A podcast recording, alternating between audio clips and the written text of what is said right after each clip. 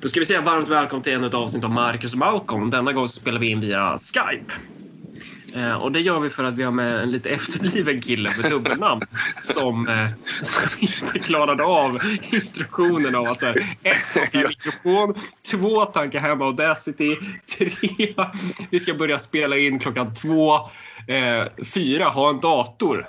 Eh, så vi sitter på en mobil, eh, klockan är 14.33. Eh, och eh, Jan Emanuel sitter i, i Gran Canaria då med ett headset. Jag, jag försökte säga så att jag är kanske inte tekniskt fulländad. Sen tyckte jag att den där översättningen till, till efterbliven, ja, den, den, var, den, var, den var lite längre dragen bara. Ja. Mm. Men det här känns väl som en sån här en, en användbar träningsgrej för Marcus att komma över lite av sina alltså, hang-ups här. Som man sa innan vi började spela in, det här kommer att få ge honom så här posttraumatisk stress. Mm. Eh, men det kanske är hälsosamt. Ja. Ja, man kan se det lite så kognitivt. Att han, han måste ju liksom ta sig igenom de sakerna som han är rädd för. Att han mm. här, släppa relingen lite grann. Att man måste känna att man, det går att göra annorlunda också. Ja, eh, vi får se hur det här blir helt enkelt. Men eh, ja, nu, nu har inte jag någon aning om vad vi gör för övergång här. Eh, men det, det, det, får bli, det får bli lite som det blir. Eh, mm. det, kommer, det kommer vara väldigt svårt att klippa i det här sen. Nu gick jag ifrån solen ut i skuggan bara för det här. Det var inte alls lika mysigt vill jag säga då. Så jag, vill, jag vill bara säga att jag, också, jag uppoffrar också saker. Mm. Det är lite tystare där du är nu, ja. låter det som i alla fall i mina öron. Ja, det är det fan. Ja, eh, ja men vad, vad är det vi... Jaha, vad, vad ska vi prata om nu då? det, det lägger jag lite i dina händer. Ja. vad, vad rimligt. Var, var vill vi börja? Vill vi börja med i sosse, din bana som sossepolitiker eller vill vi prata om uh, företag, upphandling och, och, migration och allt vad det är? Mm. Vi kan ju börja det här i den politiska situationen. Va? Du pratade ju om att du tyckte mm. att det var rätt intressant. Ja, det kan vi göra. Ja. Och vad var det eh. som du tänkte på då? Göken och allt det där? Ja, Göken och nu glömmer jag till och med bort hur många punkter det är i programmet. Är det 73 eller? 72 tror jag till och med. 72 ja. punkter. Och det, det är ju lite lustigt hur man eh, härmar kompisarna i eh, Sovjet och även, även Mao. De hade ju eh, femårsplaner. Och då satte man ju så här, det här är det vi ska göra under x antal år och så genomförde man det. Mm. Det som de hade föredömligt, det var ju att de, de hade ju en idé som de själva faktiskt trodde på. Eller åtminstone hade, även om de kanske inte trodde på det, hade de åtminstone satt upp det själva. Ja. Vi gör ju samma sak, exakt samma sak faktiskt, under eh, de här åren. Fast vi ska genomföra någonting som egentligen ingen vill.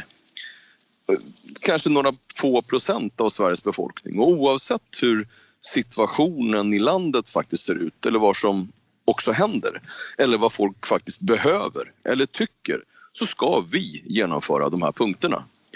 Sossarna ska genomföra andra eh, politi politiska partiers punkter.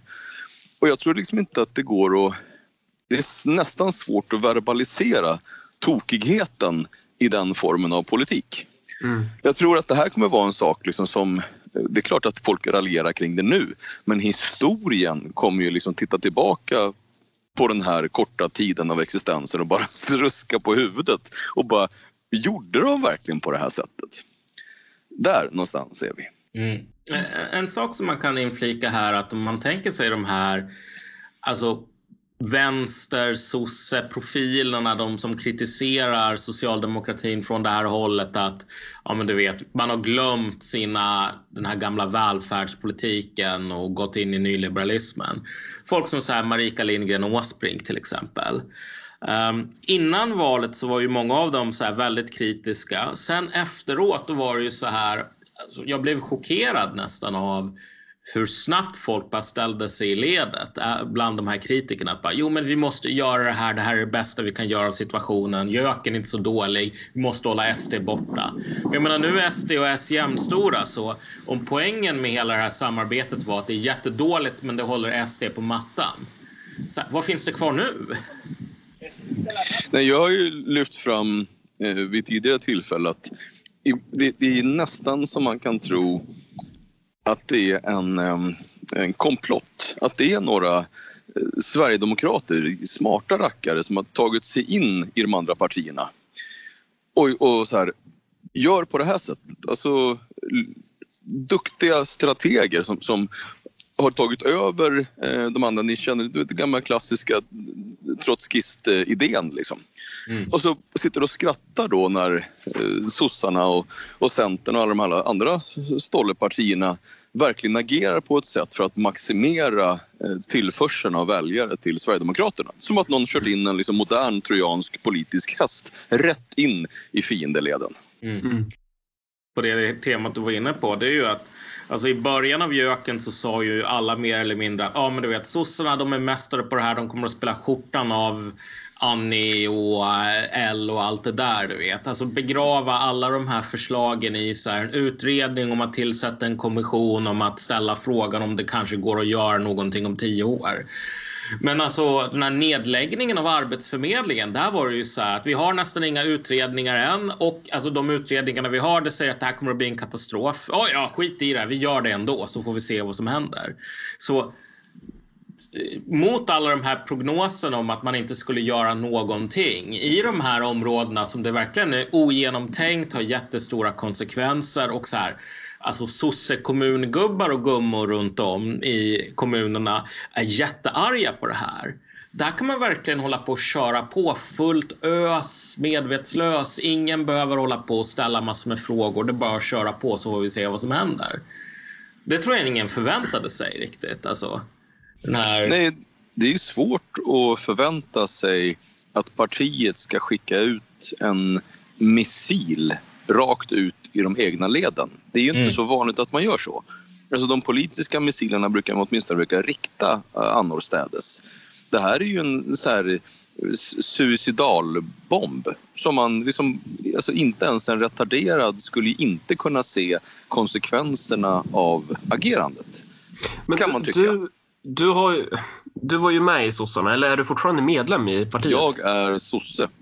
Sen har, partiet, sen har partiet däremot slutat, alltså partiet så som parti, partiorganet kanske inte hur de organiserar sig men utan hur saker och ting slår ut, slutat vara socialdemokrater. Och det, det är med stor sorg för mig och tror jag väldigt, väldigt många andra som har blivit berövade sig sin politiska hemvist. Men Alltså, är, det- du fortfarande som- medlem i, är du fortfarande medlem i partiet?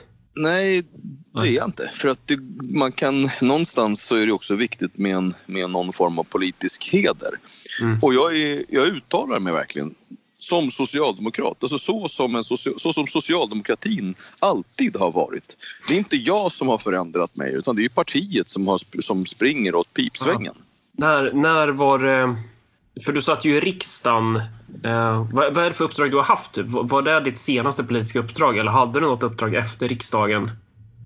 Nej, jag, det var 2010 avslutade jag Ja, politiska uppdrag. det var då, det var då SD kom in va? Ja. Det, ja. Och då har du inte varit liksom partipolitiskt aktiv sedan dess, typ? Jag var medlem längre i Socialdemokratiska småföretagarföreningen. Det var jag fram till för, bara för ett par år sedan. Fast du, du är ju inte småför... Hur Nej fick du då. vara med där? Så, Nej, det, det, var, det var faktiskt ett ifrågasättande i Ja. vad jag gjorde där för att jag inte var just småföretagare. Men jag, det tyckte jag, det, det tog jag med ro. mm. Mm.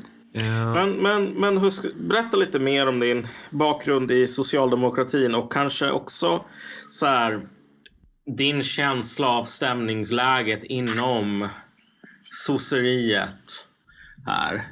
Liksom, Alltså- om du nu har bra kontakter fortfarande. Det är ju förstås vilka man, man pratar med och det finns ju, det finns ju om vi nu ska vi förenkla det till tre kategorier av partister. Först är det de partisterna som ser att det håller på att gå åt pipsvängen. Men de eh, håller sig fast i tron om att eh, om bara Stefan faller och några stycken till med honom så då kommer vi ha en plats där vi kan liksom befästa oss och klättra och sen få bättre positioner.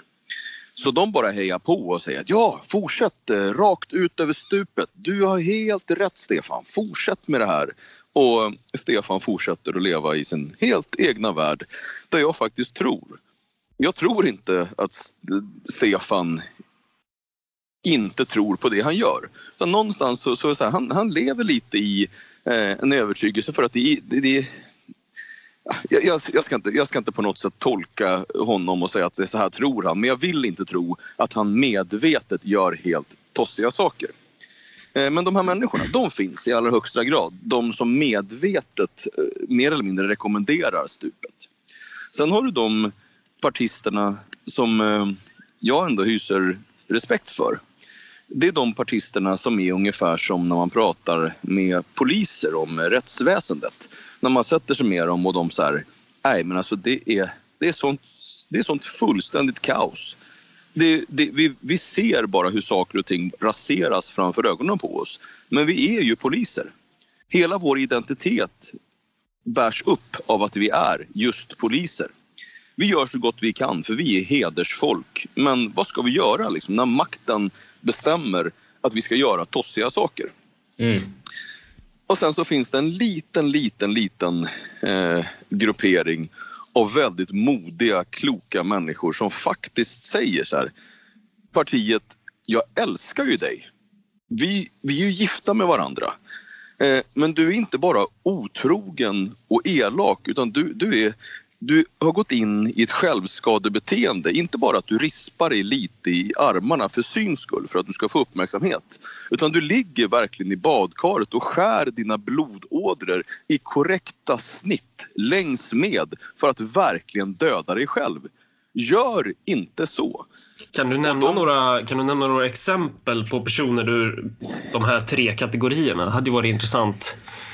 Jag, jag tycker man ska vara lite Alltså människor som...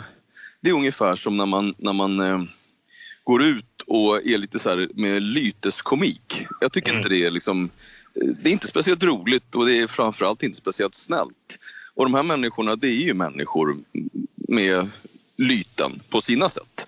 Så jag tycker vi ska liksom snarare tänka så vi försöker vara hyggliga. Är det några som vet vilka de är så känner de sig ju självklart verkligen igen sig i beskrivningarna. Och jag tror att alla som är lite politiskt insatta känner igen sig i de här kategorierna. Fast mm. det är väl inte lyteskomik att säga att någon är modig och som står upp för partiet och så? Men vi har ju, vi har ju nu fick jag namn afasi och det är lite tråkigt. Ja. Men vi har ju det här kommunalrådet. Eh, Jimmy Jansson eller? Jim Jansson till exempel. Mm. Jag tycker att det är ett bra exempel. Eh, vi har... Um, vad var den senaste? Det är Eskilstuna han sitter i. Han är KSO där tror jag. Exakt så. Ja. så. Så var det. Sen har vi några ytterligare som, som gör ungefär så som han. Eh, tyvärr alldeles för få eh, riksdagsledamöter eller än mindre när, när det kommer till eh, till ministrar. Där är, det primärt är, det snarare... på, är det så man kan se det? Att det är primärt på liksom kommunal nivå som de här personerna finns? Ja, och sen sitter det säkerligen några som man inte märker så mycket av. Mm. Men eh, ja, jag skulle säga att det är eh, mest ute på kommunal nivå. För att det är också de på kommunal nivå som först får de här projektilerna rätt i lejban. Mm. Mm.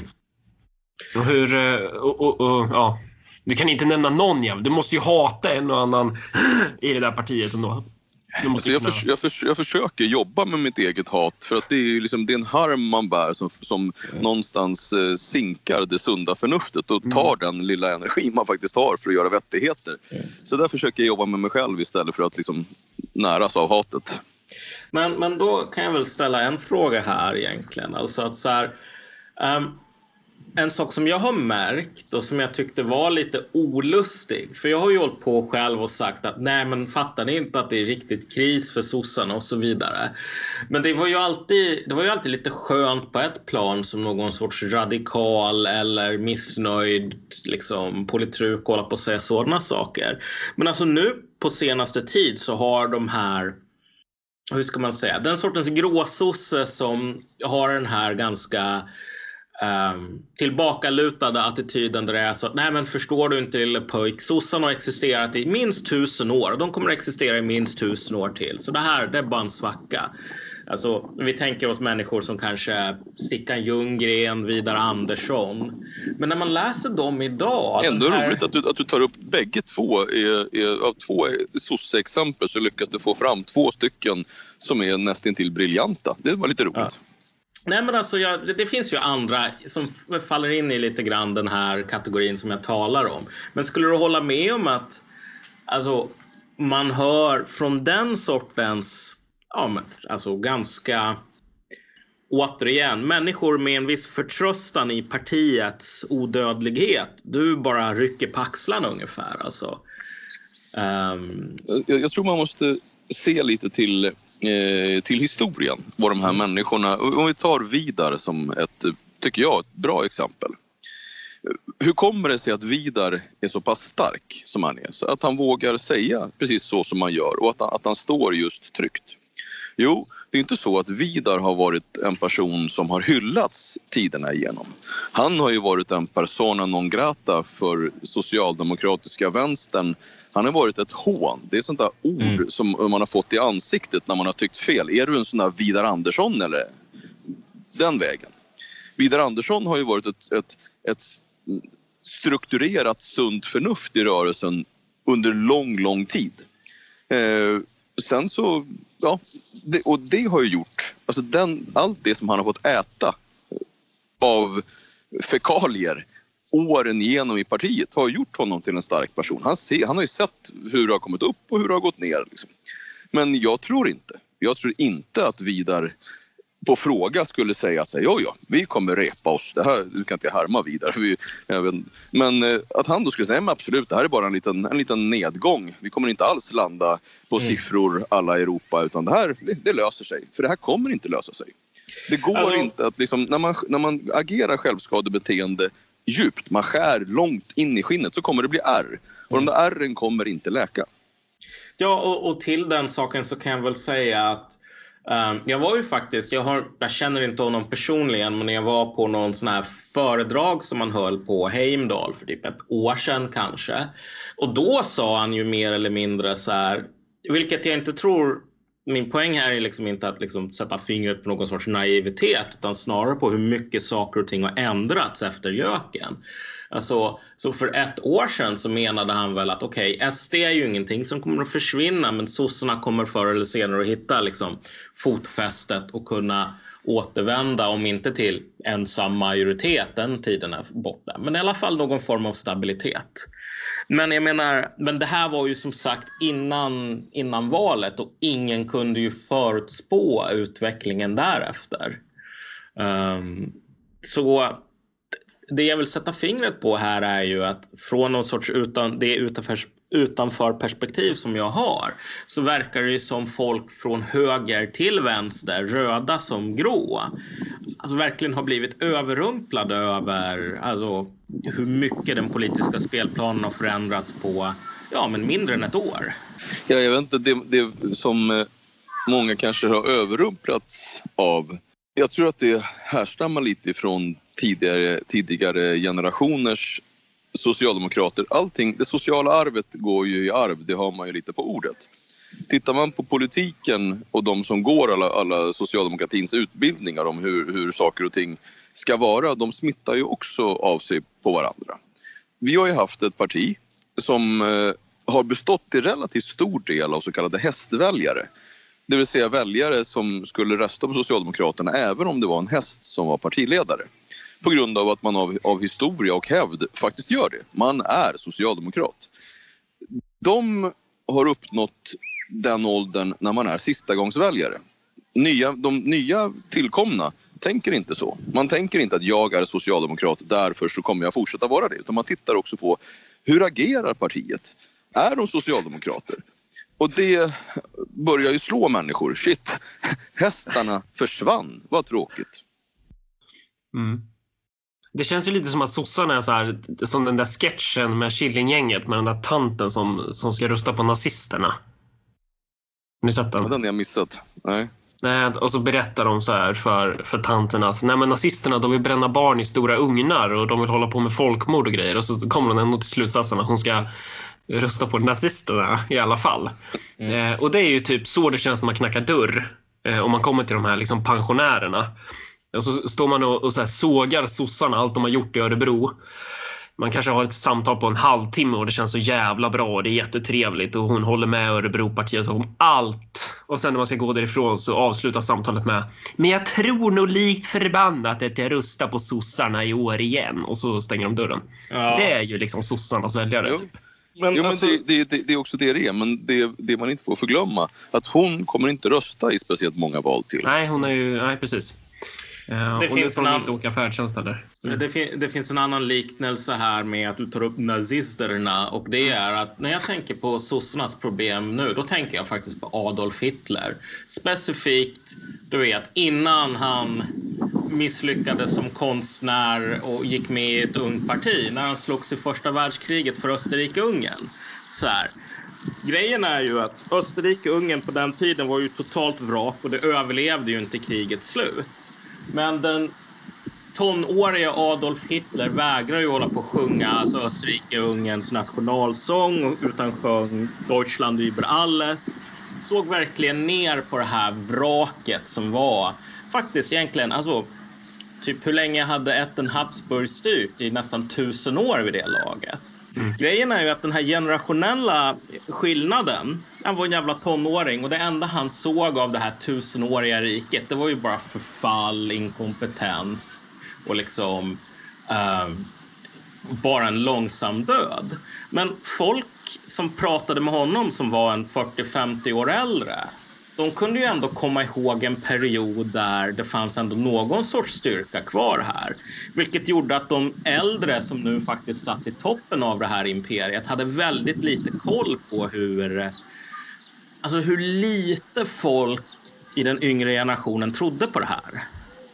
Jag menar, när vi talar om det här med första och sista gångs väljare. Jag tror att många försöker alltid förstå det här att, som att, alltså du vet, kulturen har förändrats mer eller mindre. du vet, när de här sista gångs väljarna var gamla, då var det bara så att man fick ett parti vid födseln och sen för att det var så kulturen såg ut. Mm, klassamhället var tydligt och enkelt. Man röstade i, i, i syfte till sig själv. Ja, men, men också så här, bara om du tänker dig folk i min och Marcus ålder och vi är väl en 15 år yngre än dig.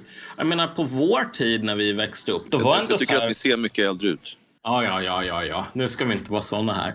Men alltså på, på vår tid när det väl begav sig, liksom när man gick ut gymnasiet och satt och drack öl i Enköpings folkpark och, och liksom det kom ett gäng poliser och hällde ut ölen. Det fanns ju någon sorts vördnad i det, även fast man tyckte att de var jävligt jobbiga som hällde ut ens jävla eh, liksom Norrlands guld. Därför att polisen, det var ju så att säga den här liksom staten Gud förkroppsligad. Alltså, om du är i, i den åldern som jag var då, nu, du kan inte tro på det. Inte på grund av att kulturen har förändrats, utan på grund av att samhället har förändrats. Den här tron på odödligheten, den här fungerande socialdemokratiska välfärdsstaten, social ingenjörskonst och ditten och datten. Alltså, säg mig den personen som rent strukturellt kan tro på det som är 17 år idag och liksom gick yeah. samma skola som jag gick för en, en 15 år sedan. Alltså det, det, finns inte kvar. Men, men, men var, alltså... Känner du att du skulle vilja rädda det här partiet? På något sätt? För jag, jag, jag, min åsikt är att man behöver ju förstöra socialdemokratin. Däremot så är jag livrädd för, för att det ska gå för fort. Eh, för att det är väl där vi håller på att bevittna nu, att det här fallet för partiet och dess liksom kringliggande infrastruktur. Det, det, håller ju på. Det pågår ju, men det, men det går ju lite för fort. Ändå. Om man nu ska se till, först och främst, när man har pratat om vi gör ändå rätt för vi håller ändå Sverigedemokraterna på stången. Ja. Den här eh, pedestrojkan som, som man nu gör inom eh, socialdemokratin, det vill säga när man ser hur man, hur man förändrar till ett, någonting Hallå? Dog du nu? Nu försvann han, verkar det som. det är helt roligt. Är... Nu, nu hör han. Inte alltid jättebra och hur det faktiskt rasar ihop. Ja, det, ta, du, du, det bröts här. Och så, och så Sådär, försvann, försvann ljudet? Ja, det du försvann. Du det får ta om från där. perestrojka. Ja. Ja, jo. jo den, den socialdemokratiska perestrojka som nu sker, det vill säga att man, man förändrar på ett extremt radikalt eh, sätt så att partiet mer eller mindre utsätter sig för sin egen utplånad. Det gör man ju då i syfte att motarbeta Sverigedemokraterna. Och det man då är väldigt rädd för det är ju att eh, de är just nazister. Att de, de, är, de vill eh, utplåna människor och det, det är den formen av ondska man, man målar upp. Mm. Medan den egentliga faran, om man nu ska se till vad, vad är det som är farligt med, med Sverigedemokraterna så som det faktiskt ser ut. Om man bortser ifrån alla känslor. Jo, den egentliga faran med Sverigedemokraterna det är att de är, de är ganska dåliga politiskt. Mm. Inte så att, så här, att Jimmy skulle vara en sämre partiledare eller att riksdagsledamöterna skulle vara så här extremt mycket sämre än många andra riksdagsledamöter i andra partier. Däremot så nationellt om man går ut och tittar på kommunerna så har de ju inte den styrkan. Det vill säga nu när Socialdemokraterna öser över väljare till Sverigedemokraterna så har de inte förmågan att fånga upp dem. Mm. För de här människorna röstar ju även kommunalt. Och det, det går ju inte att bara genom att blunda kan man ju inte se att det sitter ju mer eller mindre troll i många kommuner och, liksom och ska vara socialdemokrater. Och de klarar inte av det ansvaret. Det är, ett- det är en fara på riktigt när man inte besitter kompetensen. Du menar de ska Samma- vara Sverigedemokrater? Ja, exakt. De går Ja. in och är, så Sverigedemokraterna har helt enkelt inte kompetent folk ute i kommunerna Ja. och de kan inte leva upp till det ansvaret. Och det är Samma det som är det faran då? Ja, det är, det som den, är- den, Ja. den, den egentliga, så som man ser, vad är det som händer i Sverige? Hur ska de nu kunna ta det här ansvaret? Mm. Tittar man också då, ja, men hur, hur ser det ut, vad har de för eh, struktur i partiet? Alltså har de, bara i riksdagen, så här, hur, många, hur ser tjänstemännens kompetens ut och så, och så vidare. Där vi agerar ju så pass fort när vi trycker över väljarna så att Sverigedemokraterna växer ju på ett sätt som de inte klarar av Mm. att ta emot. Och det är klart att så, det, är, det är en fara för alla partier. För skulle det vara, och nu kommer man lite till poängen.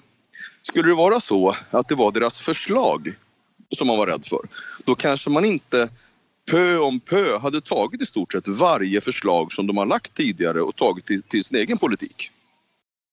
Mm. Nej men exakt. Nej men alltså sossarna är väl rädda egentligen för, för, för ja, sin egen överlevnad snarare än vad som händer efter syndafloden. Men jag tror att man kan lägga till lite grann en, en annan aspekt i, i, i, i din liksom skildring här som jag tror är helt korrekt för övrigt. Men det är ju om du kommer ihåg det här öppna brevet. Det var väl från tjänstemän på UD var det väl om Typ att om vi måste hålla på med civil olydnad om SD Åh, vinner för att det här strider mot... Oj vad obehagligt det var. Ja, fortsätt. Alltså, det roliga var ju att jag, jag misstänker verkligen att det är nästan ingen, som ingen i SD som drog den, den korrekta läxan från det där. Alltså för när det här skedde, då höll ju folk på att säga, ah, kolla det här är precis som public service, jävla PK-Sverige, jävla långa marschen genom institutionerna liksom. Det här visar bara på PK, liksom, de, de, det orättvisa övertaget um, som vänstern har inom institutionerna. Och visst, det där stämmer ju, men grejen är ju att det här var ju, du vet som i så här sjöstrider där man skjuter ett skott för att se om det landar ovanför, liksom bakom eller framför den här båten som man ska skjuta. Jag siktar på ja. Ja, bara för att veta hur långt avståndet är. En så kallad ranging shot. Alltså, det här var ju vad det brevet var. Det var ju inte bara en, en indikation på att så här, UD, precis som... Jaha, nu ringer det här. Ja, jag stängde av. Det var... Ja. Professionalism, som sagt. Ehm, och, det, och nu är det ju ditt fel också, Marcus. att Ja, går åt helvete det, med den här nej, det, det är Johan Westerholms fel. Det var han som ringde. Ja, hur, som, ja, hur som helst. Alltså så här, det här brevet var ju en indikation på att om sossarna liksom trillar av pinn och SD tar över så kommer de att vara tvungna att lägga mer tid än vad sossarna behövde göra på att hålla på och utkämpa massor med byråkratiska strider. Alltså det, att det politiska kaoset eller den politiska dysfunktionen när sossarna tar över, eller SD tar över, utan att det här ska vara deras fel så att säga, kommer ju bara att växa. Så liksom, det, ingenting kommer att lösas när Socialdemokraterna um, mer eller mindre faller ihop under sin egen vikt. Därför att Socialdemokraterna är det partiet som är bäst på att hantera de här instruktionerna med alla dess tjänstemän och liksom politiska regler och underförstådda koder och så vidare. SD har ju väldigt lite av den vanan. Och det är just det jag menar med att det går lite för fort. Det är, för det måste ju finnas någon politisk kraft som kan fylla det där vakuumet då när sossarna är borta. Men, men att man vill få bort det där partiet, det är, det är för mig ganska solklart. Liksom. Så till vad fan det består av idag. Det, det är ju ja. inga arbetarparti. Det, det, finns ju inget av de partier som idag finns egentligen är, är ju är ju någonting att önska. Så, det är ju... jag, jag, jag när ju en förhoppning om att socialdemokratin efter att ha genomgått det här, när man gått sin självpåtagna Golgata-vandring, inte mm. bara liksom under hugg och slag utan även efter mer eller mindre regelrätta knivhugg på sig själv, finner och inser att vi, vi måste nog vara sossar ändå. Och på så sätt, jag tror inte att vi kommer kunna någonsin komma tillbaka till liksom, glansdagarna väljarmässigt. Men att vi åtminstone kommer kunna hålla oss kvar på en eh, Europanivå. Alltså så som sossarna ligger ungefär eh, i Europa. Mm. Men, men varför, då måste jag fråga, varför då? Är det inte bättre att bygga ett nytt ja. parti som, som kan göra det som sossarna gjorde? Det är ganska enkelt. Först och främst mm. så, så man tittar man på ett gammalt, gammalt bolag, ett gammalt mm. svenskt bolag. Även så här, om man tar ett bolag som har bara jobbat med gruvor och stålproduktion och sen så märker man att oj, gruvan den, den börjar ta slut. Vi måste titta oss om efter någonting annat. Så bara för att de har så pass mycket vana och kompetens att det, att det finns folk bakom så brukar man också kunna ställa om sig och bli ett jättebra bolag återigen. På samma sätt är det, vi har en grundläggande, alltså socialdemokratin som ideologi, den är fantastisk. Och det, mm. det finns ju få ideologier, om man då, det finns ju den, en, en eh, ideologi som jag gärna liksom kletar in på er, som, den, som också är jätte, jättevacker, men när man då försökt att genomföra den någonstans så har det väl gått lite sisådär. Socialdemokratin har man ju försökt att genomföra och lyckats med mm. på många ställen. Det är fullständigt unikt. För att alla andra ideologier och övertygelser där man försökt så har det slagit mot de svagaste grupperna. Och det har inte, det, vi har gjort det tvärtom. Vi har, vi har lyckats. Och därför så behövs men, men är det ideologin du vill bevara? Är. är det ideologin du vill bevara eller är det partiet?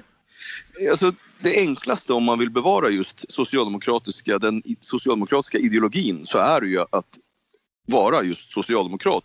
Vi har botten. Vi, basen finns ju någonstans. Alltså det finns ju, vad ska man säga, Tittar man på bolaget när saker och ting går åt pipsvängen, säg att vi släpper, man släpper in ett gäng tomtenissar som ingenting begriper mm. i ett bolag. Har du, har du en struktur, har du manualer, eh, har du en skalbarhet i företaget så kommer det ändå överleva även om du tar in den mest kompetenta eller mest inkompetenta av eh, arbetsgrupp eller chef. Mm. Mm. Som i det här fallet höll jag på att säga. Ja, men, men, men om jag får så, komma med. Ja, den behövs, vi behöver bevara eh, socialdemok det socialdemokratiska partiet och återerövra det. Mm. Men om jag ska komma med, jag kan ju hålla med dig till vissa delar här. Kanske inte alla, men, men, men ett tänkbart motargument mot det som du just sa är väl att om vi tänker oss, du nämnde Jimmy Jansson tidigare och han är ju den här starka kommungubben som tar ansvar för sin kommun, i det här fallet Eskilstuna, säger som det är, inte håller på och gömmer sig bakom vad som är bullshit. Um, och kanske inte överdrivet populär bland mer rättrådiga personer inom sitt eget parti. Men alltså sådana profiler finns ju alltså, i princip i alla partier nu. Um, Christian Sonesson från Moderaterna är ju en sådan figur. Det, som... fanns ett, det fanns ju en person i det partiet som jag tror att ni bägge härstammar ifrån som de gjorde sig av med. Så det finns åtminstone ett parti som inte har någon som är bra överhuvudtaget. Ja, okej. Okay. okay. Vänsterpartiet. Alla partier, inklusive till och med Centern och till och med vissa liberaler. Vänsterpartiet som det enda enda partiet som faktiskt inte ens har någon bra. Mm. Det, det, det, kan jag ge dig. Um, det, det, är helt korrekt. Men, men så här, dit jag vill komma är väl bara att Tror du inte att det finns en ganska stor risk nu att om man inte vänder den här dödsvandringen som socialdemokratin har begett sig in på alltså imorgon i princip, så kommer de här politiska centrifugala krafterna att leda till ja, men fler lokalpartier och ett längre avstånd mellan de här ja, men Jimmy Jansson, Christian Sonesson typerna från sina moderpartier. Alltså att du bara får ett enormt maktvakuum. Jo, det här, det här, min upplevelse är att de soldaterna som befann sig i den politiska trojanska hästen som man då har sprängt in det är just sådana. Det är ju som att det upplevs ju som att det är det de vill. Att socialdemokratin agerar just på ett sådant sätt. Så att jo, men eh, öppnar upp alla tänkbara dörrar för en ny populistisk eh, vänster. Det är mm. som att det finns en dagordning i att snälla, kan ingen ta den här eh, kastade handsken? För att vi klarar inte av att bära varken den. Vi har huggit av den arm som handsken satt på. Mm. Ja, alltså, men, men den annan sak som jag tror har som försvårar att, att rädda partiet här är ju att Ja, jag, som jag nämnde innan vi började spela in, jag håller på att skriva någon så här essä där jag ska försöka förklara vad som händer i Sverige för ett gäng fransmän. Och då eftersom, då ska jag försöka liksom förklara det här i termer som typ fransmän kan förstå. Så med liksom migrationens kostnader nu som har dumpats på kommunerna. Uh, du vet innan den franska revolutionen precis innan den händer nästan så lyckades de ju dölja de enorma kostnaderna för alla krigen och liksom upprätthålla Versailles och så vidare genom att bara alltså, knuffa bort kostnaderna från liksom, de offentliga böckerna. Man bara genom massor med smarta bokföringsknep så säger, liksom, låtsas man att de inte finns. Och grejen i Sverige är ju att vi har, alltså staten håller på och pratar om den låga statsskulden och att du vet kostnaderna för migration och så vidare går ner. Eller man pratar om det fram till nyligen. Men det som sossarna har gjort är ju att skjuta över alla de här kostnaderna på sitt eget folk ute i kommunerna. Vilket är en mycket värre grej än att bara låtsas som att kostnaden inte finns alls. På grund av att nu håller du inte bara på att underminera den finansiella liksom, stabiliteten för landet Sverige. Utan du göder ju ett enormt och växande hat och alltså misstro mellan folk inom politiken på lokal nivå och folk på, alltså, i Stockholm man känner att de här människorna, de, de, är inte på min sida. De är mina fiender som försöker sticka en dolk i ryggen på mig, min kommun och alla min, hela min familj och alla mina vänner. Alltså det ska, ju... man fortsätta, ja. ska man fortsätta dra då paralleller till franska revolutionen så där faller mina tankar på Marie Antoinette mm. den eh, franska drottningen som när hon fick reda på att, att eh, folket hade inte längre något bröd att äta, då sa hon så här, men varför äter de inte bakelser? Det känns som uppfattningsförmågan, alltså känslan av hur man känner av andra människor ifrån partihögkvarteret på 68 mm. hos Socialdemokraterna. Mm. Och det är där i sorgen ligger. När, när jag menar på att när man skjuter de här skarpa skotten rakt in i de egna leden så är det precis det man gör man, mm. när man skälper över de här kostnaderna. Man ser inte själva. Och det här är ju den delen av socialdemokratin som är den liberala eh, delen av socialdemokratin, de socialliberala som lever i sin egen uppfattning. Där, där man pratar om när man slår mot konsekvenserna. Mm. De lever ju i att det är konsekvensernas fel. Mm. Att om man, om man bara liksom slutade prata dumheter och, och bara låtsades som att de här konsekvenserna inte fanns, då skulle de ju till slut ha rätt. Mm. De som Men... kämpar. Men du pratar ju här, alltså i, i, för några minuter sedan så nämnde du så tre olika typer av socialdemokrater varav den första kategorin var alltså personer som medvetet rekommenderar stupet. Mm. Eh, och är det inte lite det som blir svårt då att om man ska försöka ha någon form av förhoppning om att det här partiet... Är det en fågel i bakgrunden där hos dig nu? Det är lite allt möjligt känns det som. Ja, det är eh. människor som skriker av glädje. Sådana skulle du inte träffa någon gång. Ja, just det. Nej, det, det, det, det blir Marcus bara stressad, stressad av. av. Alltså, nej, men vad tänkte jag? Nej, men den typen av personer som, som eh, har gett sig in i Socialdemokraterna för att göra någon form av karriär. Typ. Alltså, mm. Är det inte ganska logiskt att de men, det, jo, det, men grejen är... Det, det, Det är lite Det är som deras att säger jag, be en vampyr att sluta li, livnära sig på blod, typ. Att få att, att så här... Dit jag far efter det, det är nästan som ett omöjligt projekt att försöka rädda det där partiet. Det är väl, alltså om man vill rädda socialdemokratin som ideologi är det väl lättare att göra det utanför partiet än innanför. Sett till den typen av eh, varelser som finns i det där partiet. Ja. Men se det så här. Om du bara har en hammare, Ja. inga andra verktyg. Då kommer det mesta som du ser se ut som spikar. För du vill så gärna att det ska kunna hamra in, att det ska kunna fungera. De här människorna, eh, och det här kan låta illa, de kan absolut ingenting förutom att parasitera på sitt eget parti. Mm. Det här är liksom de som jag, när man vill vara, det här kan låta elakt, men ombudsmannaväldet. Alltså de, de personerna som aldrig någonsin har gjort någonting annat än att just parasitera för, för, på partiet och på rörelsen. Att säga till dem så här, nej men när du, eh, partiet kanske dör. Fortsätter vi så här så då kanske det inte ens finns någonting att rädda och då blir du ändå tvungen att kanske jobba som en hedlig människa. De är så livrädda för det så det, den finns inte ens i deras liksom, existens, eh, alltså så som de ser på existensen, att det skulle finnas någonting annorlunda.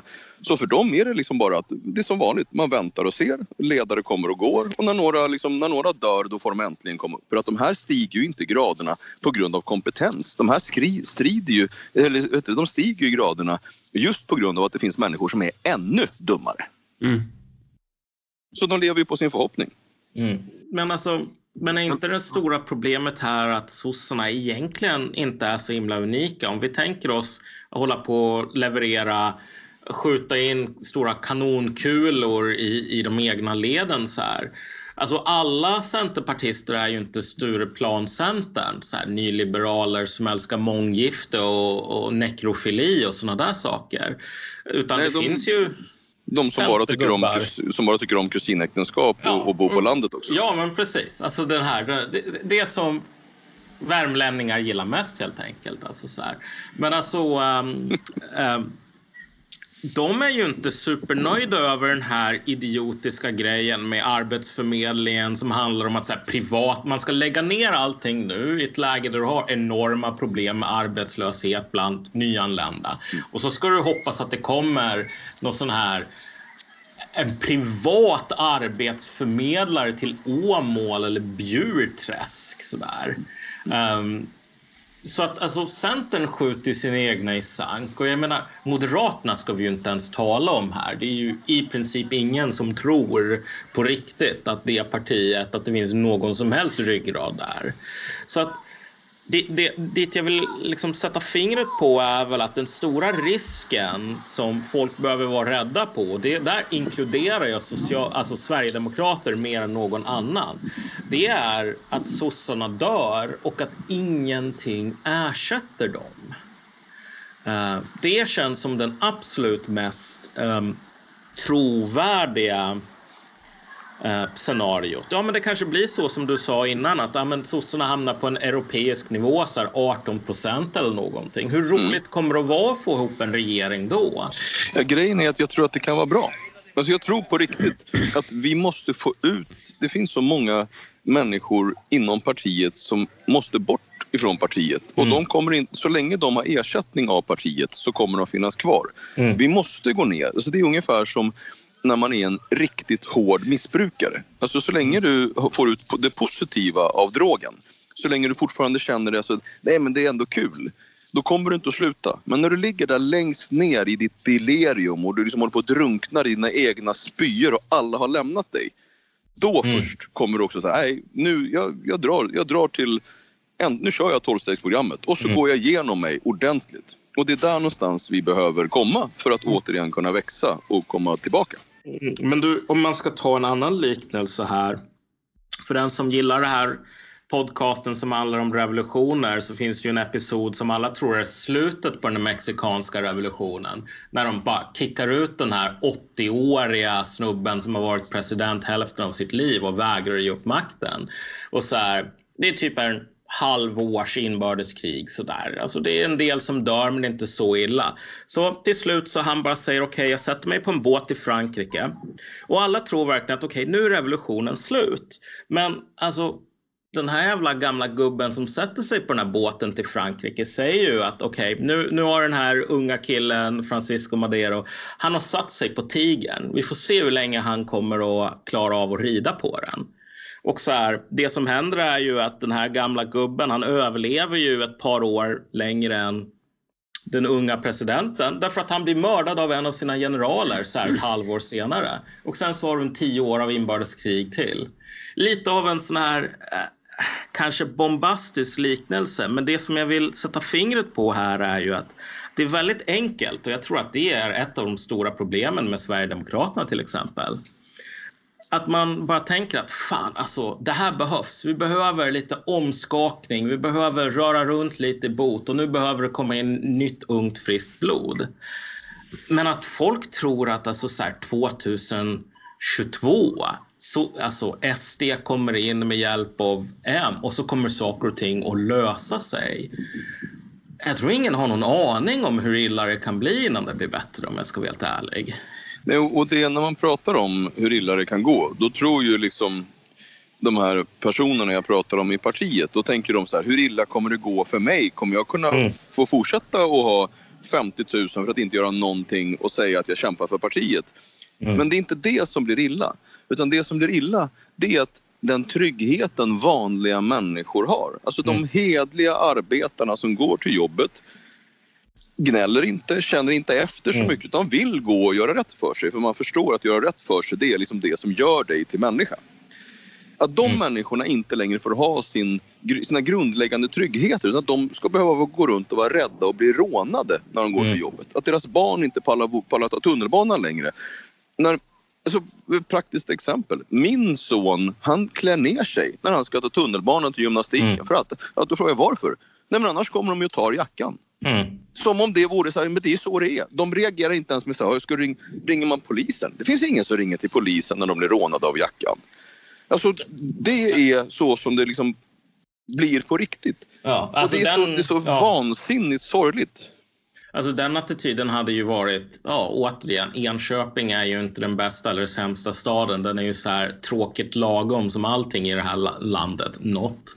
Men så här, det var en 12-13 år sedan som jag var i samma ålder. Och jag menar den här idén om att nej, men polisen, det ringer man inte för det spelar ingen roll. Kanske vid typ cykelstölder i Uppsala eller någonting. Men så här, alltså rån, sådana grejer. Inte en chans. Vad fan, polisen, staten, den finns ju där för den är allsmäktig.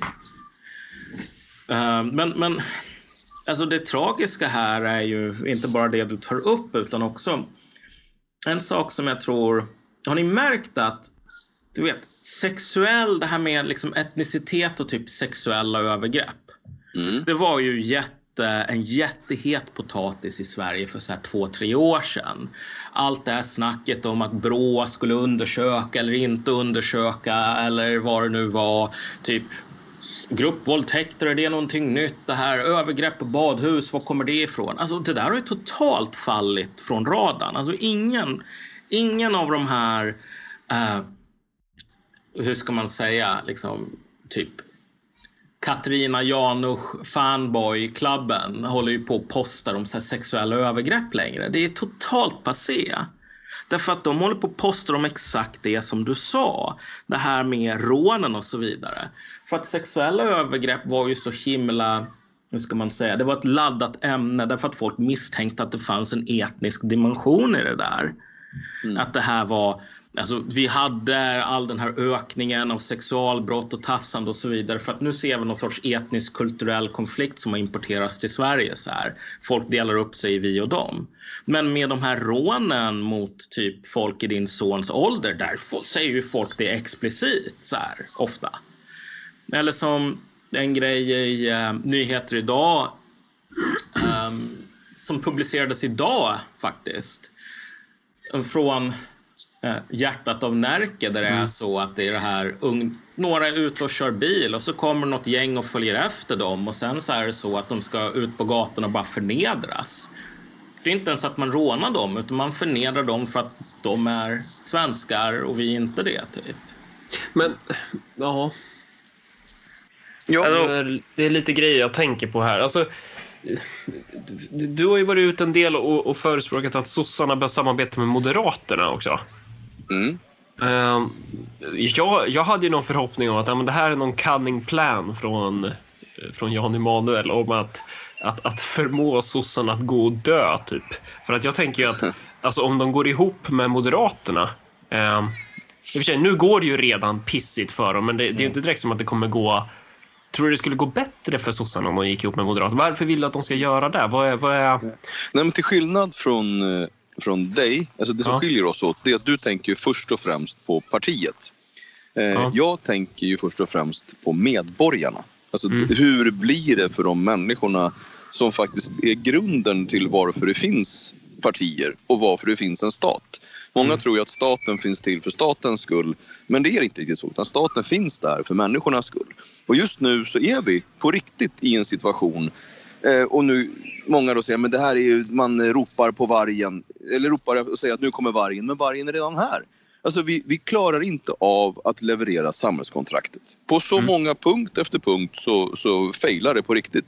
Och ska vi få det här att funka så måste man göra det. Vi har ju haft ekonomiska situationer i Sverige när det har gått riktigt dåligt, när vi är på väg och så här, tupp, Sverige håller på att välta.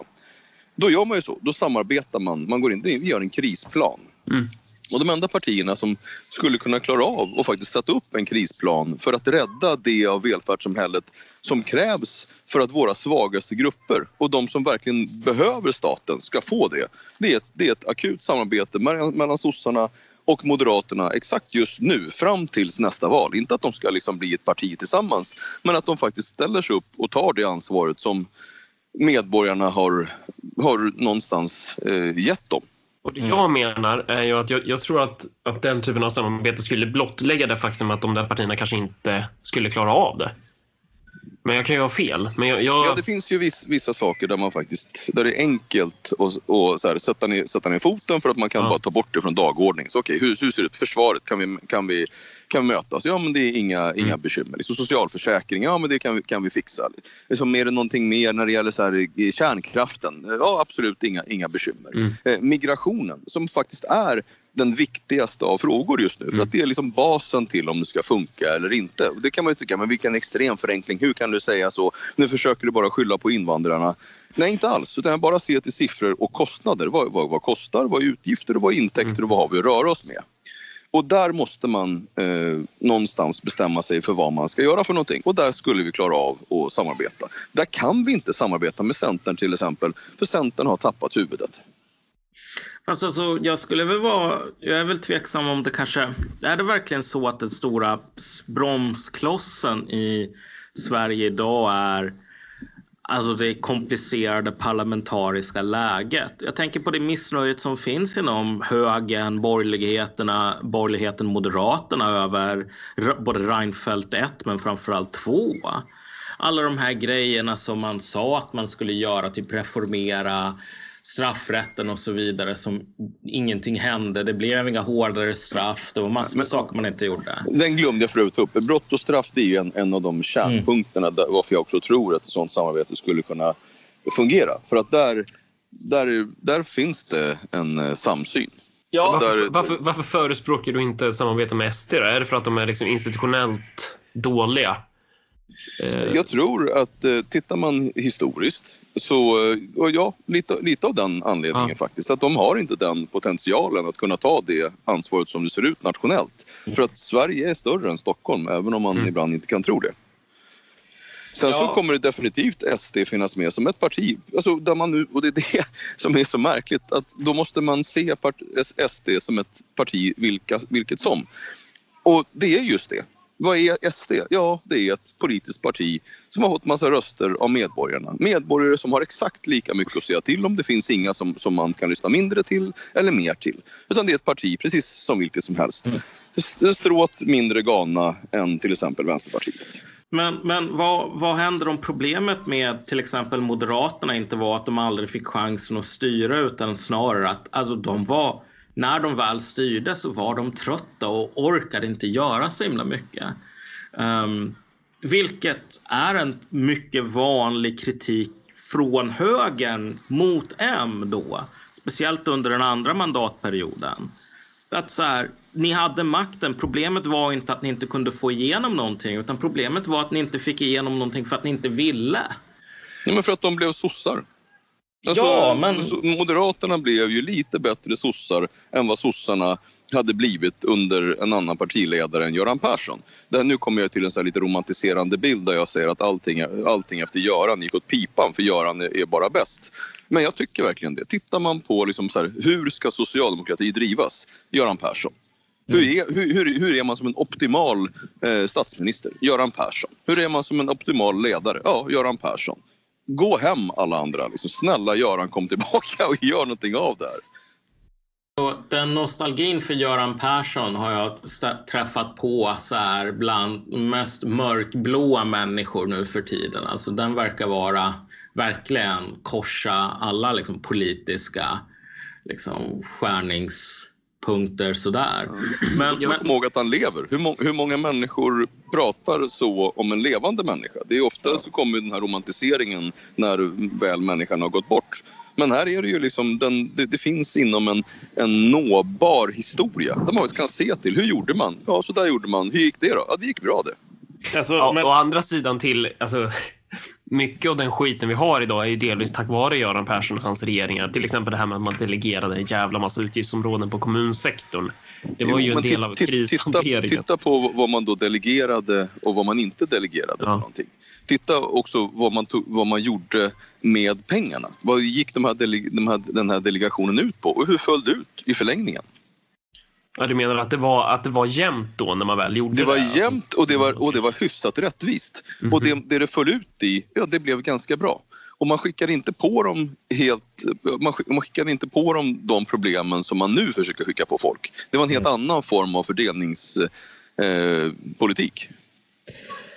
Alltså det är ju, man kan väl kanske köpa det argumentet att om man hade slagit in på eller hållit den här kursen som man slog in på då och inte bara hålla på med rulla över kostnader så skulle allting gått bra. Men, men man öppnade ju dörren för de här Mona Sahlin-typerna att ta över i slutändan. Det gjorde man ju som någonting negativt under perioden Persson. Men, men min fråga är väl om du kanske inte är lite alltså det sista som dör är hoppet och så vidare. Men jag tror att det finns en risk för um, den här sortens hopp om så här, om M och sossarna samarbetar, vilket är mindre aktuellt nu än när du föreslog Jag, det. jag tror, jag, jag vill bara ha det sagt innan, innan du själv säger det. Mm. Utifall att du själv säger det. Men jag tror ju att det faktiskt kommer ske. Jag tror att det är mycket, att det är ett mycket troligt scenario att sossarna och moderaterna snart kommer gå ihop. ja, Jag tror, jag tror inte alls att det är... Eh, och jag tror, jag tror att det kommer bara accelerera saker när de väl, om de skulle hamna i maktställning. För att de inte, de skulle inte klara av situationen. Typ. Ja, alltså, alltså det är väl inte omöjligt, men jag skulle väl säga att M specifikt drar sig ju åt andra hållet nu. Men, men det stora problemet med typ en S plus M-regering är inte bara att alltså, det- det är liksom det gör ju lite av en charad att man kan rösta på olika saker för att få olika sorters politik. Nej, men där är vi ju redan. Det, kan, Ja, det, det, det blir ju bara bättre. Men, men jo, exakt. Men det är just därför som jag inte tror att det är det, det, det centrala problemet, utan snarare så här att jag tror att det, både, problemet med både M och S är att det här är trötta åderförkalkade institutioner som inte orkar ta några som helst jobbiga politiska strider. Och en anledning till det beror väl delvis på att de är, består av klassmässigt alltså individer som får sin försörjning från att vara just åderförkalkade Ja, institutioner. nej, men alltså bara rent konkret. Vi säger Ja, så här. ja, amen på vi, kolla, vi ger nuvarande socialdemokratiska ministär 100 procent av svenska folkets röster. 100 procent, rakt av. De får all makten. Jag tror inte att läget kommer att förbättras särskilt mycket. Vi kommer att få mindre såna här idiotiska självmordspaktsreformer som att avskaffa Arbetsförmedlingen utan att ha någonting annat än så här privata företag som aldrig kommer att komma in. Men så här, idén om att man kommer att lösa det här enorma problemet med underskott av lärare, bristen på fängelseplatser, så det faktum att du har så här etniska uh, upplopp i skolan. Sorry, slagsmål mellan grupperingar. Alltså de här är för hårda nötter att knäcka för Annika Strandhälls bästaste, finaste tjejgäng. Eller det är väl misstanken i alla fall. Nej men det går ju ut på, ska vi få det, visst, min idé är att det här bara ska vara nu fram till nästkommande mm. val och efter nästkommande val ska Annika Strandhäll och hennes tjej och killgäng vara en historia blott som man tittar tillbaka till på med och tänker att vad skönt att det är just eh, mm. historia. Eh, så, vi får inte glömma sen när, när vi pratar om eh, eh Arbetsförmedlingen. Mm. Eh, jag startade ett företag för ganska, eller vi köpte upp eh, företag som jobbade just med arbetsmarknad för att vi såg att någonstans så kommer man agera jämte mot Arbetsförmedlingen. Mm. Eh, för man ser att det de levererar är inte kvalitet, det är inte, inte kvantitet heller utan de levererar i stort sett ganska dåligt. Och då drog vi igång den här, eh, det här företaget och väntade på att snart kommer de ju också delegera ut de här ansvaren mm. så, att vi, så att de människorna som står utan jobb faktiskt kan få jobb. Vi var med och tryckte på, eh, det finns när man då upphandlingar, för vi skulle prata lite grann om, om upphandlingar längre fram. Mm. Eh, så då ville man att man skulle upphandla på ett ganska enkelt sätt. Det vill säga att ni får en liten peng för att ni tar emot en, en individ och sen så får ni en större peng när den här individen är på arbetsmarknaden. Problemet som har blivit eh, med den här, för i, i stora städer eller åtminstone städer liksom upp, ja, hyfsat stora städer, mellanstora städer, inga problem. Där skulle vi kunna gå in och ta över och göra ett mycket, mycket bättre jobb än vad, än vad Arbetsförmedlingarna har gjort hittills. Om vi bara fick uppdraget. Problemet är ju att man både slaktar men Arbetsförmedlingen står ju så pass stilla och får ju inga liksom medel eller direktiv om att ens lägga ut det på de privata. Så nu händer ju absolut ingenting, vilket är bara politikens eh, fel. Det finns mm. jättemycket att göra. De privata skulle kunna göra jättemycket. Men som du tog upp eh, tidigare, inte fan kommer om någon ringer till mig och säger hej, eh, nu är det bara att köra.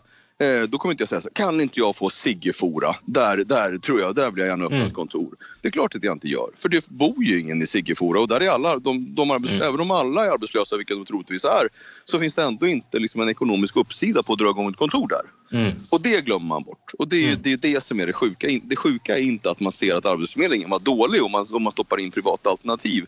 Utan det är att man liksom tar bort utan att sätta in alternativ och man tänker inte hela mm. vägen. Det är det som är statens stora problem. De dåliga helt enkelt. Mm. Ja, det var, det var den. Det var den. Ja. Och så kommer det någon polis i bakgrunden. Ja men du vet du vad? Här, här, här, här i Spanien är ju polisen, och nu kan vi ta ett, bara för vi hör polisen. Mm. Alltså hur kommer det sig, och nu, nu landar vi in på ett helt nytt spår bara för jag, liksom, bara för jag romantiserar kring Guardia Civil och, och polisen i Spanien. Mm. Men hur kommer det sig att när spansk polis säger åt en gruppering så här, skingra er. Och så skingrar de sig. Hur kommer det sig att när de svenska kriminella, när de inser att fan, vi, vi drar vidare, vi, vi sticker till Spanien en sväng. Och så när de kommer till Spanien så blir de gripna och så drar de hem igen för att det händer någonting.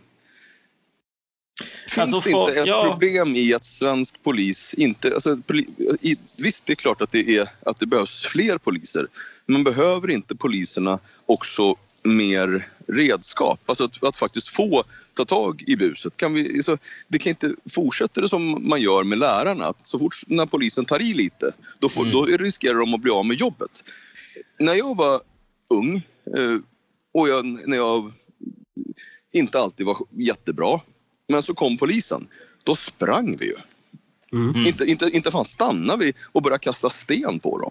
Det, det finns ju liksom en, en grundläggande samhällsproblematik i att auktoriteter inte får vara auktoriteter, inte i skolan, inte, inte som poliser eller, eller liknande. Och mm. därför så kan man bara titta på hur kommer det sig då, som sagt var, att folk lyder polisen i Spanien och inte i Sverige. Nej, men det, det beror väl lite på vart man vill också. Alltså om, om, vi vill ha, alltså om vi vill ha att polisen löser brott och sådär, då kan det finnas en fördel i att polisen också får ta i hårdhandskarna när de, när de måste. Men om vi inte vill ha en situation där polisen löser brott utan det kanske är någon slags, vad ska man säga, eh, resursförstärkt civilsamhälle i form av typ eh, galna medborgargarden som går runt och Eldsjälar på väg till ja, sportskytteklubben. Ja, precis. Ideella föreningar och ideella krafter som helt enkelt har tag i buset. Eh, då, då ska vi fortsätta på den väg vi, vi är nu. Ja, och där skulle jag säga, om man nu skulle göra en mörk eh, betraktelse av framtiden Mm. så tror jag faktiskt att just nu så spelar man alla krafter som tänker gott om medborgargarden Mm. eller garden i händerna. För att för varje gång man märker att det inte är någon anledning att ringa till polisen ju, ju fler människor kommer också tänka på och hur ska vi kunna försvara det, det vi själva äger. Mm. Jägarförbundet gjorde en jätterolig betraktelse här för en tid sedan. Då sa de så här, vi är rädda för att eh, folk börjar tjuvjaga, tjuvjaga mycket mer. Och de Mm. bara, "Ah, varför tror ni det då? Jo, det är så många som tar jägarexamen men som inte har några jakträtter. ja, så måste det ju vara. Mm. Jag har Alltså, en det- annan teori. Det där, det där var ju, det där var en helt absurd diskussion på grund av att alltså, och, och få, ta jaktlicens då så att du kan ha licenspliktigt vapen. Det är ju en involverad process som alltså det är ju vandelsprövning och allt det där. Att lösa ett jaktkort är ju den enkla biten när du väl har tagit över den här första kullen. Och alla bara, nej men folk har blivit intresserade av skyrskytte. Och så var det ju människor som bara skrev såna här krönikor om typ, nej men vad fan, det här handlar om att man vill ha ett vapen så att man kan starta ett medborgargarde. Och folk fortsatte ändå Eller man, man, vill, man vill ha ett vapen för att när det bryter sig in folk i ditt hus så, och dina barn ligger och sover så vill du inte stå där liksom, med det klassiska gamla basebollträet för det funkar Nej, inte nej. längre. Utan man vill Nej. kunna försvara sin familj vilket är en grundläggande rättighet men också liksom en grundläggande drift. Jag kommer alltid, och det är det här som är så taskigt, att de som är alfa i samhället de starka och de rika kommer alltid kunna bygga sina panic rooms, sina, sky- sina skyddsrum hemma. De kommer kunna fixa licenser, de kommer ha bra vapen, de kommer ha bra dörrar. Men de som inget har, även det de har kommer tas ifrån dem av andra människor i Mm. likadan pissig situation. Ja, men alltså, jag vet inte.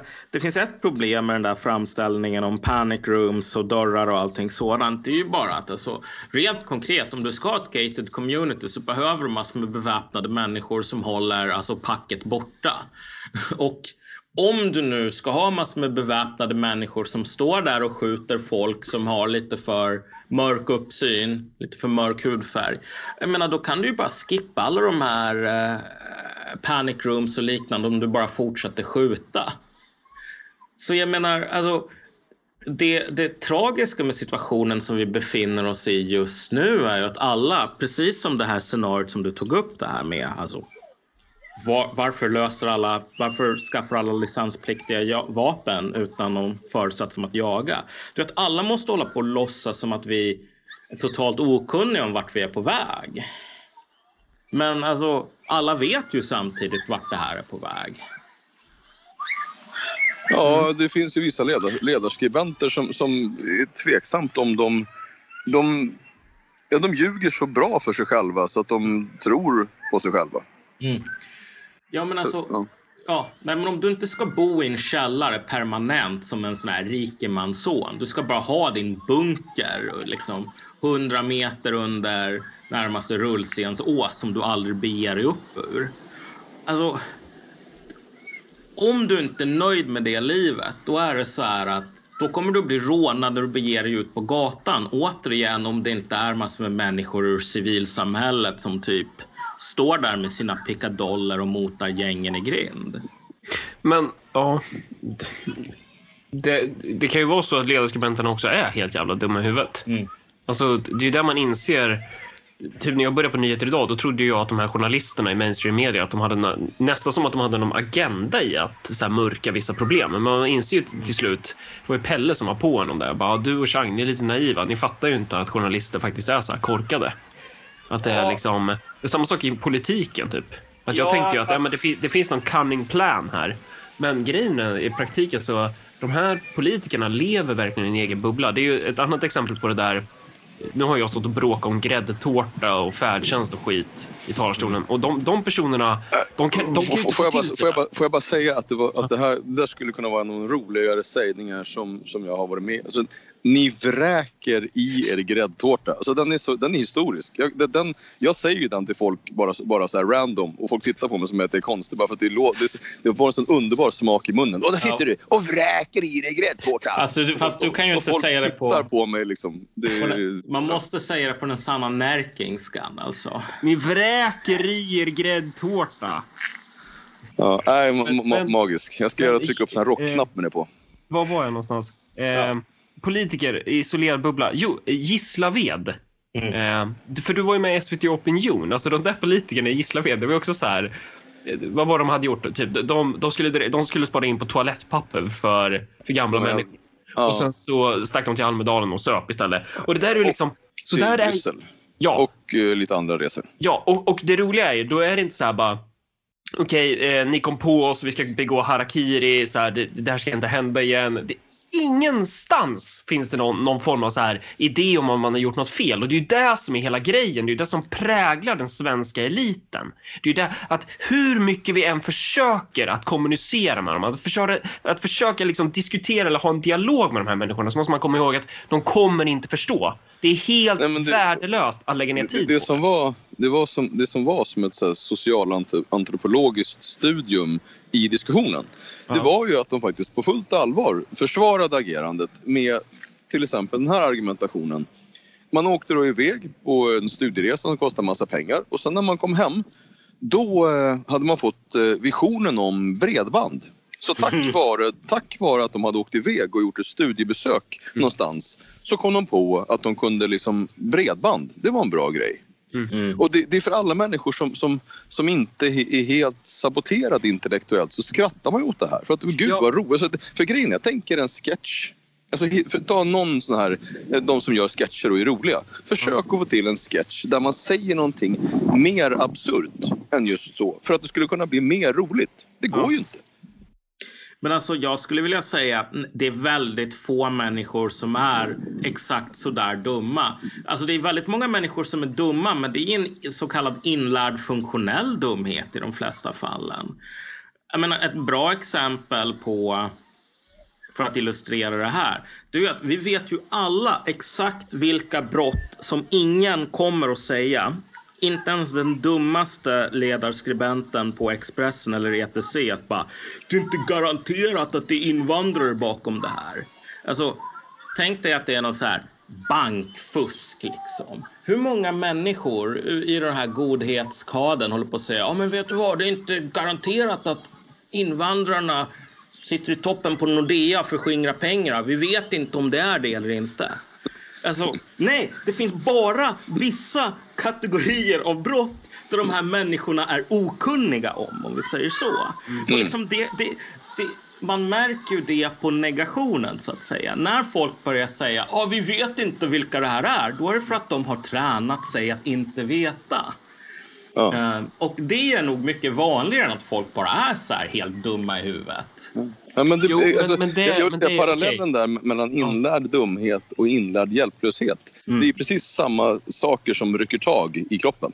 Det var Mm. bara en passus. Men, men, ja, men då pratar vi om samma sak. Mm. Alltså för att de... För det är ju samma sak med de här politikerna i Örebro. De har ju också lärt in den här negationen. Mm. Att det är så här... Vi vet inte om, om, om försörjningskvoten påverkas av invandring. Mm. Men vi vet att den påverkas av de här pensionärerna vi har känt till i flera år. Mm. Att de kommer att åldras. Men ja, men vad fan. Nu har vi pratat lite politik. Ska vi prata lite? För vi, vi var inne och snurrade på lite så här upphandling och sådär. Um, jag vet inte när, när din familj kommer gå och börja leta efter dig. Uh, Ja, det kommer nog inte, inte, inte ske. Det skulle vara, men, men de skulle nog tyckt att jag skulle fått med dem och ätit för en stund sedan. Men, jag tycker men, fortfarande att det är skitdåligt att du inte bara sa jag går och gömmer mig och sen inte sa någonting mer. Nej. Och det, det, faktum är att du, det verkar inte som du, har gömt, som du har gömt dig för man hör ju ljud överallt. Går du omkring nu? Rör du på dig samtidigt som du pratar med oss? Ja, det har jag gjort exakt hela tiden och gått och letat efter så här olika ställen där jag kan stå. Det är ju en, så ganska, det är en gigantisk hotellanläggning. För, förstår inte du att det här triggar Marcus Allard? Jo, men det jag hjälper ju honom i... Jag, är- jag, jag är ju kognitiv beteendeterapeut. Autodid, autodidakt sådan. Alltså, Så, så jag, jag, jag hjälper ju honom med det här. Så som är så himla vanligt i Sverige nu så vill jag ju bara säga så här att du vet, stå på dig Jan Emanuel. Bra att du finns, att du vågar göra de här sakerna som, som jag inte vågar säga då eftersom jag är kuvad och svensk liksom. Ja. Ehm, Det här kommer bli Jan Emanuels nya företag. Autodidakt, eh, psy- psykolog åt psyksjuka, misofoniska, misofobi, vad heter det? Skitsamma! Du driver, Misofober tror jag inte. nej, men du driver ju säkerhetsföretag, gör du ju, Ja. eller hur? Mm. Ja, ja och, och som sagt, ja, det gör jag. Ja, ja, vad skulle du säga? Nej, och att vi, jag vill också försöka göra... det- och Så in, först tänkte jag så här, jag, jag passar på att så här, skjuta in med de här, att vi bygger så här panic rooms. Ja. Och så insåg jag ju att eh, de som lyssnar kommer ändå inte köpa några panic rooms av mig. Eh, för det är bara en massa, massa så här, intellektuella politikerfolk som lyssnar. Och de Alltså det är sjukt, skiter. sjukt stor blandning av människor. Jag tror att det, det finns en och annan riking som lyssnar på det här som kommer köpa några Okej, panic ja, men då. Du som är riking, kan du, kan du köpa no, några panic rooms av oss? För att de är det bra marginal på. Hej. Ja, okej. Det här var ju... Det här, vi, vi får göra upp om Säljer du, ersättningen för säljer du panic sen. rooms? Är inte det... Ja, vi- Vad fan är det? Det är typ en box i plåt. Nej, man, det, det, det, så, så skulle det kunna vara, men det, det, det är ganska ett komplicerat sätt att eh, addera ett panic room till hemmet. Utan du ser till helt enkelt, man, man gör en säkerhetsanalys av ditt hem. Så går man runt och tänker så här, var kommer kriminella ta sig in? Vilka, vilka, vilka flyktvägar finns? Var kommer en kommer troligtvis komma in där och en kommer troligtvis komma in där. Var kan ni ta vägen? Ja, där är ett bra plats. Och så bygger man utifrån det fysiska utrymmet ett säkerhetsrum. Och så bygger man in olika säkerhetsdetaljer eh, i det. Mm. Plus att man, man utbildar personerna så de vet hur de ska göra vid olika former av hotsituationer. Alltså, alltså det, det, det, det lite roliga apropå den affärsbranschen är ju att så här, av någon anledning så har ju många av världens rikaste miljardärer bestämt sig för att alltså, den civilisatoriska kollapsen kommer eller någon sån här bolsjevikisk revolution där man dödar alla rika. Så därför har alla bestämt sig för att dra till Nya Zeeland. Så, så här, markpriserna på Nya Zeeland har Du gått upp. skaver ditt skägg mot headset. Ja. Fan vad du skäller, vad du skäller på mitt skägg hela tiden. Ja. Tänk, tänk, tänk om det kom någon annan och smekte min kind och kom åt Mm. mitt headset. Alltså, det här, det det här, det här fokuserat podcastande här alltså. Ja, men det är så störigt! Det är hela tiden! Det är hela tiden så här någonting. Du kan inte säga så här, lyssna, det är så störigt. Alltså hur, vem säger en så? Det är så störande kan man säga, men det är så störigt. Det skulle ju betyda att jag säger saker som stör dig genom att vara störig.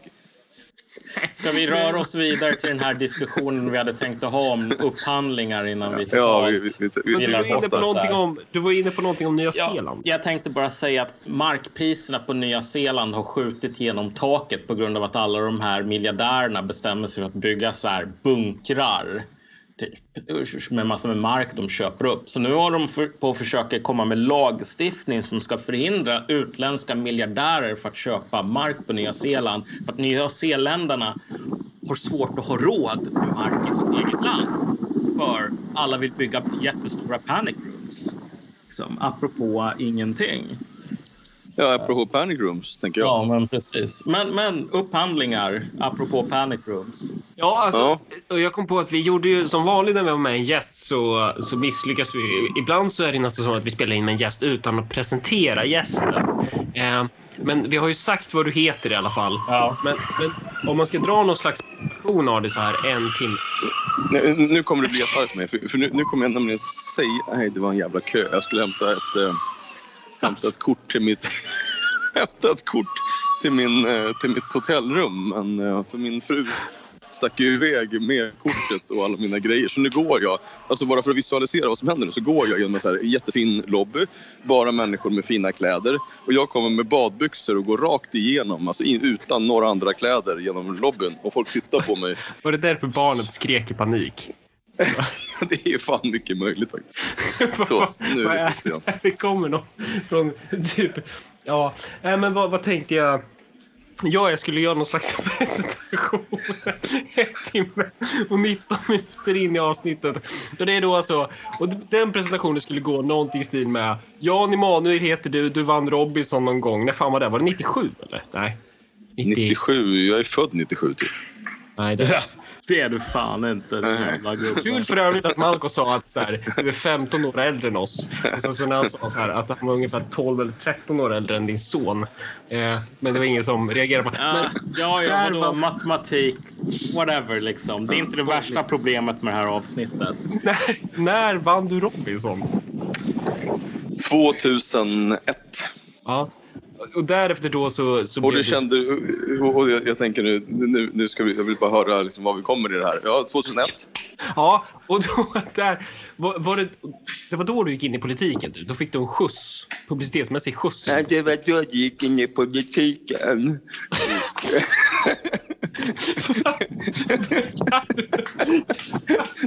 Jag vet inte man svarar på frågan. Jo, jag, jag, jag kom in i politiken på personval eh, 1998. Eh, Så Robinson, så Robinson är helt orelaterad? Det är helt inte relevant för någonting? Alltså. Nej, in, inte utifrån eh, hur jag liksom fick till en, en, en väldigt bra personval till riksdagen sen. Men det politiska engagemanget sträcker sig längre tillbaka. Bra, och dit jag vill komma är, när börjar du driva alla de här jävla företagen då? För du har ju en lång, det, det är ju dels politik, men sen har, framförallt så har du hållit på med massa företag och blivit rik och, och, och så. Ja, ja, men det har jag hållit på med ganska länge. Var, var det liksom... eh, Jag satte igång för, första aktiebolaget. Nu försvann han. Mm. Eh, Nu, ser vi. Första aktiebolaget hörde vi, sen försvann du ett tag. Okej, jag ska leta efter en, en, en städerska som kan släppa in mig på rummet. Är det en bra idé? För annars kan det hända att det här bryts helt och jag inte har något, eh, någon, någon eh, batteri kvar. Ja, men det är... Ja. Vänta. Här ska vi se. Eh, Perdone, señora. Eh, Yo, yo no eh, recuerdo mi, eh, mi llave. ¿Puedes abrir mi eh, habitación? Eh, 2075. ¿Dónde? a la 2086. Ah, tu, tu, tu amiga. Ok. Ok, gracias señora. Ja. Ja, här går, här går ju hur bra som helst. Ja. Nej, skitsamma, vi pratar tills, tills det bryts för att annars så jag tror fan, kommer jag förstöra er sändning här. ja. Eh, vi skulle ju prata upphandling, men vi kan ju göra så att vi sätter ett bokmärke i den här diskussionen och sen kan man ju prata, man kan ha med det igen. Och så Ja. skulle man kunna prata om, om lite andra grejer då, då också. För nu har vi ändå spelat in en timme och 22 minuter. Ja, men jag tänkte, det, det, blir, det blir ju över en, en, en och timme och 22 minuter. Säg att ni kliver bort 22, det är ändå en timme. Det blir ju fan långt för de stackarna. Och... Det här ska inte klippas någonting. Det här är liksom 24 karats guld av professionalism. Och Jag lovar att han kommer gå åt helvete. Nej, nej, nej, nej. Det här är det bästa avsnittet som vi någonsin gjort. På jag alla tror också det. möjliga plan faktiskt. Ja, eh, men ska vi säga så, så, så, så stoppa inspelningen där då? Ja. De gör så. Och, och sen, så, sen så lovar jag, eh, för att jag kommer inte kunna hålla det, att jag ska ladda ner det där programmet till min dator och så ska jag göra det mycket bättre nästa gång. Ja. Ja, nej, men då pratar vi om upphandling då. Och så får Ja. du ha det, leta reda på din nyckel och fru och familj och kläder och barn hela och hela den grejen. Alltså. Stoppa inspelningen Fortfarande där. Nu stoppar jag inspelningen. Där.